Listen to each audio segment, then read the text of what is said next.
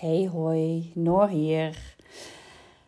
Ja, ehm, deze podcast gaat ehm, niet over geld of iets gerelateerd. Um, maar ik wil het gaan hebben over uh, het afgelopen jaar. Want dat kwam met stip op één binnen als meest impactvolle jaar van mijn leven. En deze podcast is eigenlijk meer het documenteren van dat afgelopen jaar voor mezelf. Um, maar het jaar zat vol lessen en misschien is er iemand die ik hiermee help. Dus ik heb wel besloten om te publiceren. Maar heb je geen trek in een terugblik van mijn jaar, gewoon overslaan. Geen enkel probleem. Er is vast een podcast die um, je meer aanspreekt. Maar goed, um, ja, het jaar begon natuurlijk nog met een lockdown en volgens mij ook nog met een avondklok. Maar ja, daar kan ik even van af zijn. En nu heb ik zelf die hele coronacrisis, die natuurlijk al uh, eerder uh, zijn hoogtepunt had, um, overwegend als positief ervaren voor mij persoonlijk. Want dit staat natuurlijk los van al het leed uh, dat heel veel andere mensen hebben moeten doorstaan door ziekte en dood. En alle kinderen die dik een jaar van hun leven binnen huis hebben moeten doorbrengen. Uh, wat ik wel echt heel heftig vind. Um, vooral uh, als ik kijk, ik heb zelf tien jaar in het onderwijs gewerkt. Uh, wat voor functie school en sociale contacten nog meer hebben. Um, en alle kinderen die dat hebben moeten missen, echt voor meer dan een jaar heeft wel geleid tot veel eenzaamheid en mentale klachten. Dus uh, daar wil ik zeker niet aan afdoen. Maar ik zelf kwam door die crisis wel dichter bij mezelf. En de rust en het gebrek aan overprikkeling heeft me echt goed gedaan. Dus ja, dat was eigenlijk het begin van 2022 nog. Maar anyway, genoeg over corona in deze podcast. Um, want ja, verder um, heeft dat dit jaar niet meer heel veel invloed gehad. Wat wel invloed heeft gehad, is um, dat ik begin van het jaar een goede vriendin verloor aan zelfdoding. En die rauwheid van rouw vind ik ja, wel de pijnlijkste emotie die er is. En de wetenschap dat iemand die je lief hebt zo mentaal heeft geleden dat het niet meer te dragen was, dat heb ik echt als super confronterend ervaren. En ik vroeg me ook af of je, als je met zoveel leed in je ziel uit het leven stapt, dan de rust vindt die je zoekt. En dat houdt me tot op de dag van vandaag wel bezig. En ik kan alleen maar hopen dat dat zo is en dat zij die rust heeft gevonden. Al was het alleen maar omdat het lijden van haar en de mensen om haar heen die achter zijn gebleven, zoals haar gezin, het anders allemaal zo zinloos was en is. En ja, lijden hoort bij het leven. Hè. Zonder licht is er ook geen duisternis en andersom. Maar het is wel moeilijk te verkroppen als die duisternis die mensen ervaren zo alles overstijgend is dat ze maar één uitweg kunnen bedenken. Ik kan wel zeggen dat haar dood en de manier waarop het dieptepunt van 2022 was voor mij.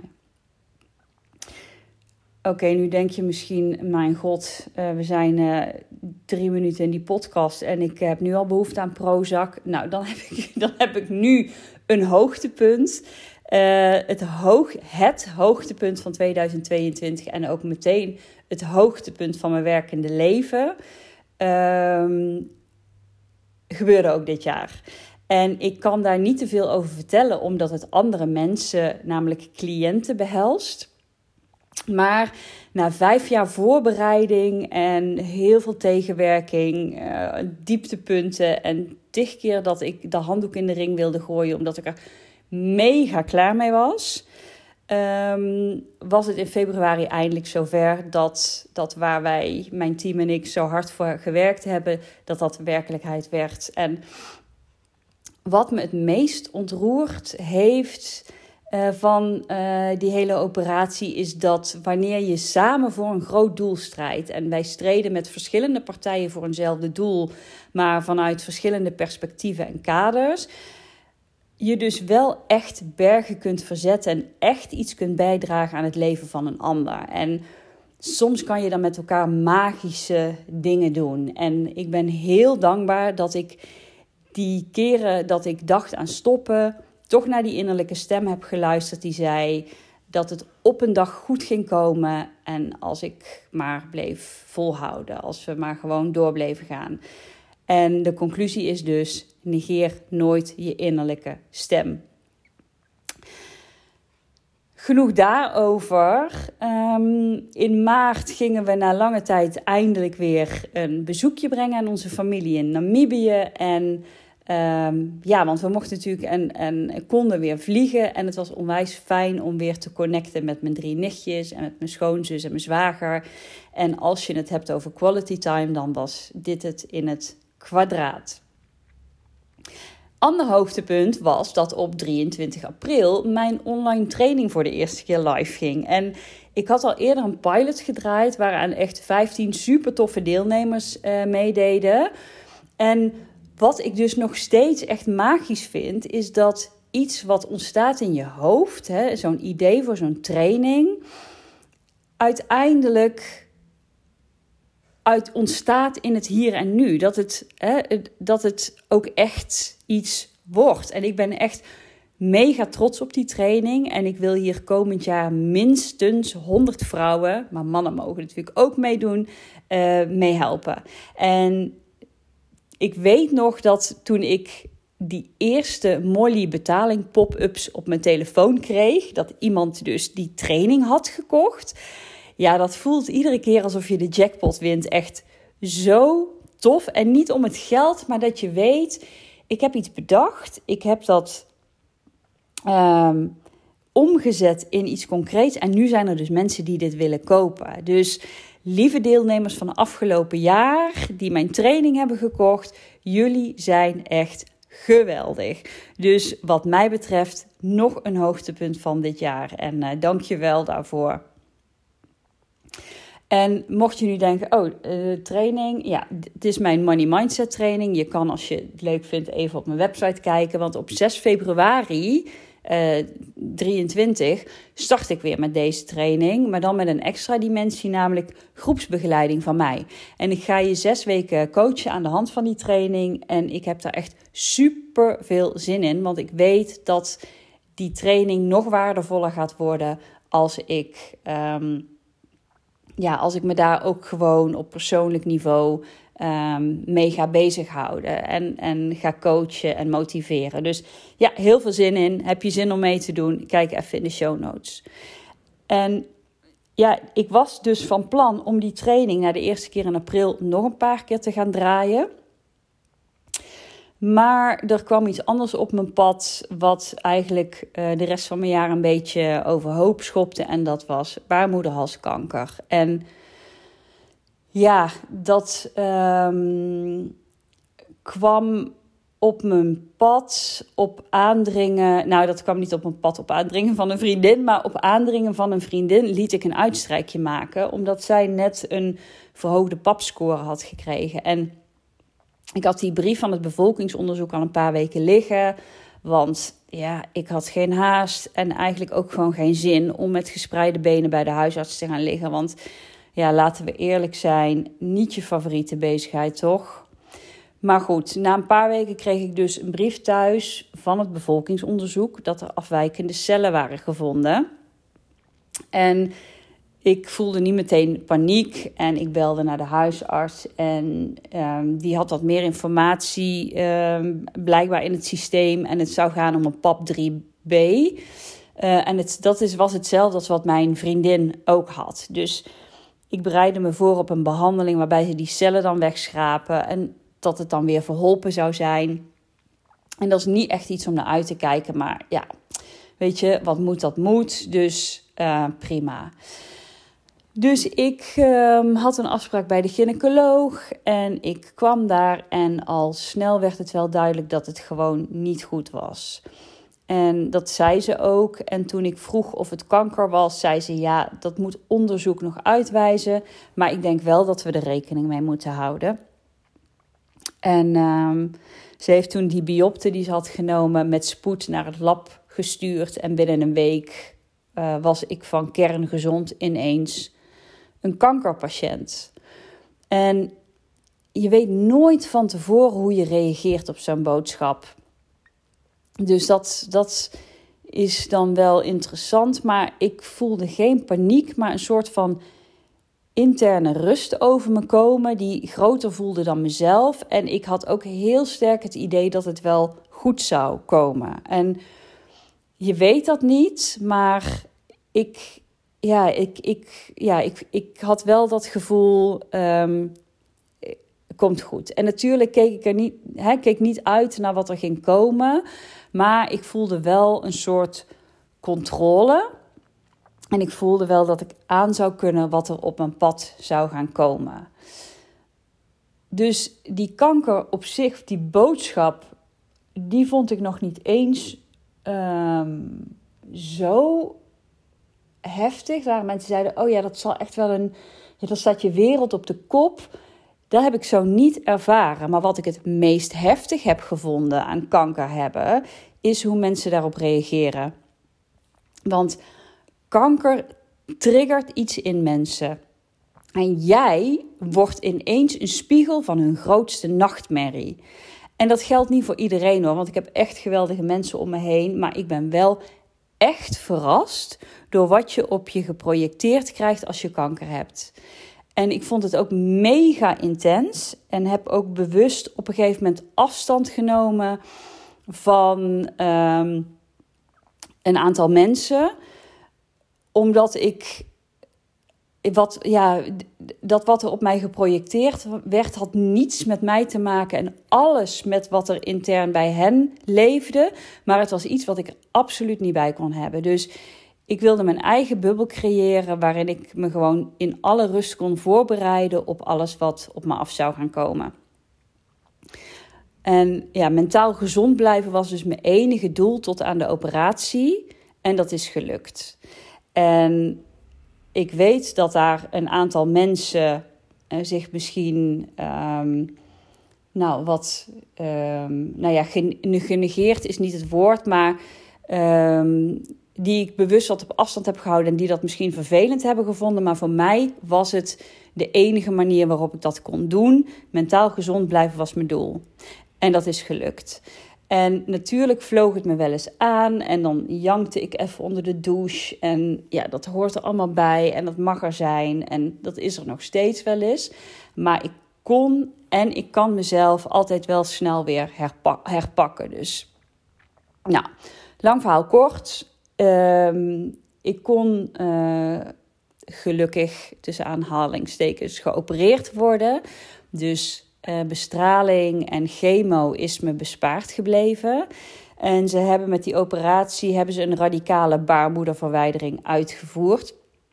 Waarbij dus de baarmoeder, de eileiders, baarmoederhals, bovenste stuk van de vagina en ongeveer 30 lymfeklieren inclusief uh, het weefsel waar ze in liggen zijn weggehaald.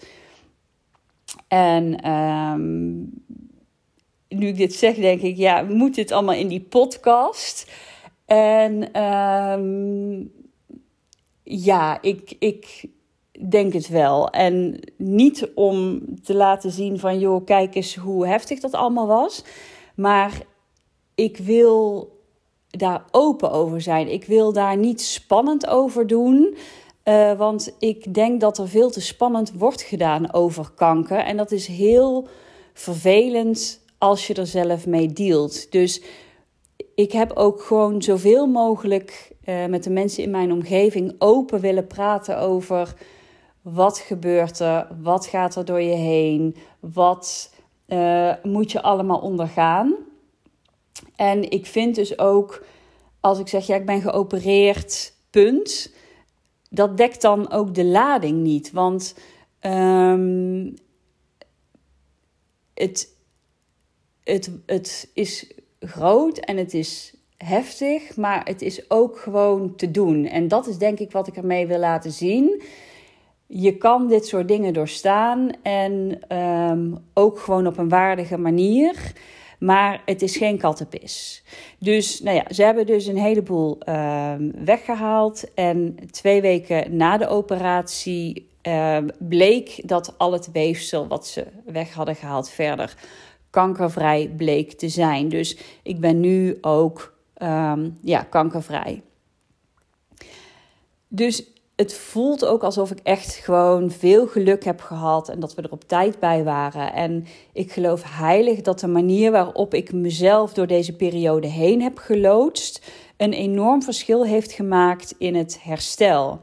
Ehm, en dan heb ik het over dingen als een positieve mindset. Het gebruik van positieve affirmaties en mantras. Mantras heb ik echt zoveel gebruikt op momenten dat ik dacht: oh my god, dit, dit wil ik niet. Ik kan, weet je, dit, dit is heftig. Bijvoorbeeld, ehm, toen ik voor de eerste keer ehm, door een MRI moest. En dat had ik nog nooit gedaan, maar ik zag dat wel als een soort van start zijn van alle toeters en bellen in dat hele kanker um, gebeuren.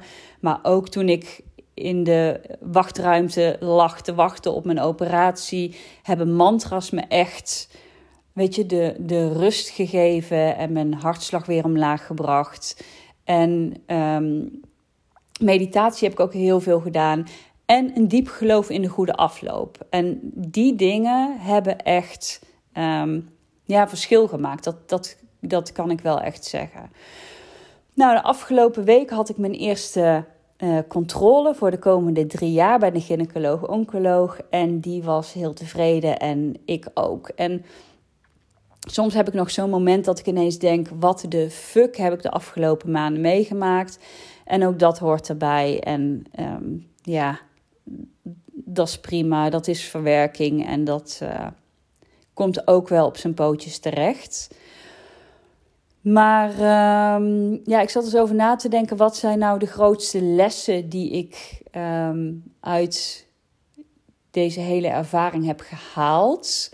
Want ik vind het fijn om er zo naar te kijken. Niet als iets negatiefs, maar iets wat me iets heeft opgeleverd in het leven. En dat is me eigenlijk vanaf het begin wel um, gelukt. Um, een van die twee grootste lessen die ik geleerd heb in deze periode zijn dat je altijd mag vertrouwen op je gevoel. Laat je niks wijsmaken door wie dan ook. Ervaringen van anderen zijn ervaringen van anderen. Luister alleen naar je intuïtie. Maak contact met je lichaam. Parkeer anderen met hun goede bedoelingen, verhalen en adviezen en vaar op je eigen kompas. En dat deed ik eigenlijk al mijn hele leven. Alleen in deze periode mag je daar nog strenger op zijn en nog dichter bij jezelf blijven. Dat is mijn ervaring. En verder kwam ik al heel snel tot de conclusie dat het feit dat ik kanker had geen enkele invloed heeft gehad of heeft op mijn gevoel van geluk. Zelfs niet toen ik nog niet wist of er uitzaaiingen waren of dat het behandeld kon worden, deed dat eigenlijk niets af aan hoe gelukkig ik me voelde. En ja, natuurlijk was ik verdrietig en voelde ik ook wel wat, um, wat angst. Maar die dingen staan dus los van je basale geluksgevoel. Dat, dat, dat vond ik echt wel een hele mooie gewaarwording. Sterker nog, ik denk dat mijn geluksgevoel zelfs is toegenomen in het laatste half jaar. Want er is zo ontzettend veel om dankbaar voor te zijn. Weet je, ik ben dankbaar voor hoe ik in elkaar zit mentaal. dat ik een, een sterk karakter heb, dat ik me niet te snel um, zorgen maak om dingen, dat ik mezelf rustig kan houden. Ik ben dankbaar voor mijn lichaam, dat toch maar mooi al die toestanden heeft doorstaan.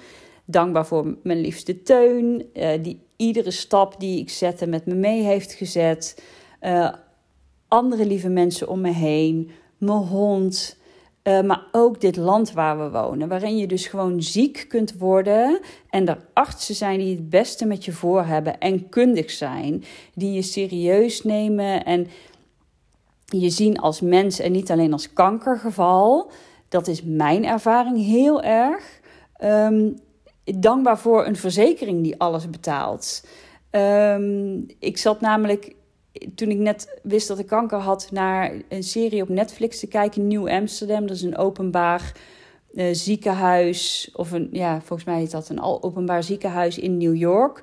Waar dus mensen zonder ziektekostenverzekering um, naartoe kunnen. Maar dat je dus landen hebt waarbij je failliet kunt gaan als je je laat behandelen voor kanker. Ja, ik vind dat echt ongelooflijk. Maar hier kan je dus ziek worden en er wordt, weet je, het wordt voor je betaald. En ja, daar betaal je premie voor. Maar dit, dat systeem is echt geweldig. Um, dankbaar voor een werkgever die je de ruimte geeft om ziek te zijn, maar ook de ruimte geeft om beter te worden. Um, een fijn huis waarin ik fijn kon opknappen. Weet je, lieve vriendinnen die voor me kwamen zorgen en die me aan het lachen kwamen maken. Um, dankbaar dat ik gebruik kan maken van acupunctuur om klachten te verhelpen of te verminderen. Weet je, massages om mijn lichaam extra liefde te geven. Noem maar op.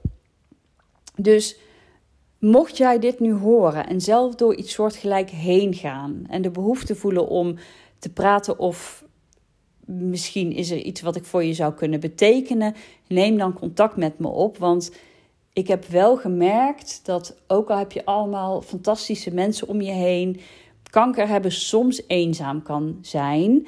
En dan kan ik me voorstellen dat het fijn is om even te praten met iemand die weet wat je doormaakt. En dus als jij dat zo ervaart, stuur me een berichtje of een mailtje. Want weet je, dan kunnen we even met elkaar praten of afspreken of waar je behoefte aan hebt. Nou, dat wat betreft eh, de kanker. En als je nu nog steeds luistert, thanks. Ik hoop niet dat dit een al te heftige podcast is geworden. Volgend jaar wordt die leuker, beloofd. Ik sluit dit jaar dan wel af met een onwijs leuk succes, namelijk mijn No Challenge. En ik was daar eind oktober zelf mee begonnen en ineens dacht ik van, oh, het zou wel heel leuk zijn om in januari een No Challenge te gaan doen met een groep. En op die manier het nieuwe jaar bewust te starten, even te resetten van een drukke en dure decembermaand. Um, maar ook door kopen weer even, of door niet kopen, weer wat meer waardering te krijgen voor alles wat je al hebt. Uh, mentale rust ervaren door niet te hoeven shoppen. En ik dacht, nou weet je, als ik 20 deelnemers uh, kan krijgen voor die challenge, vind ik dat echt helemaal top. Maar inmiddels zitten we dus op 54 dames en een heer die meedoen. Ja, vind ik echt heel erg gek. Dus op 1 januari starten we um, in een besloten Instagram groep. En iedereen is echt al bezig met het maken van hun eigen no-buy regels. En uh, post ik al het een en het ander om iedereen al een beetje in de no-buy modus te krijgen. Het is echt al onwijs leuk. En um, als je dan meedoet in januari, krijg je wekelijks een inspiratiemail van me met mini-challenges en opdrachten. En dat is allemaal optioneel, hè? dus je doet mee aan wat je leuk vindt. Um, en anders niet. Uh, ik ga wekelijks even live op Instagram en ik moedig je aan, sleep je door de lastige momenten heen en je kunt connecten met de andere deelnemers. En als je dit dus aanspreekt en je januari sowieso een beetje gezelliger wilt maken, doe dan vooral mee. Helemaal gratis. In de show notes vind je de aanmeldlink. Oké, nou, dit waren dus de highlights en high lows van 2022. En ik denk dat het wel even genoeg is zo. Um, ik ga alvast lekker wat eh, kokkerellen voor de kerstdagen. En ik wens jullie super fijne dagen met de mensen van wie je houdt. Waardeer elkaar. Benader elkaar met vriendelijkheid en zachtheid. Zelfs die irritante nieuwsgierige oma aan het kerstdiner. Weet je, stel liefdevolle grenzen. En waardeer intens wat je hebt en waar je staat. En, en onthoud, always look on the bright side of life.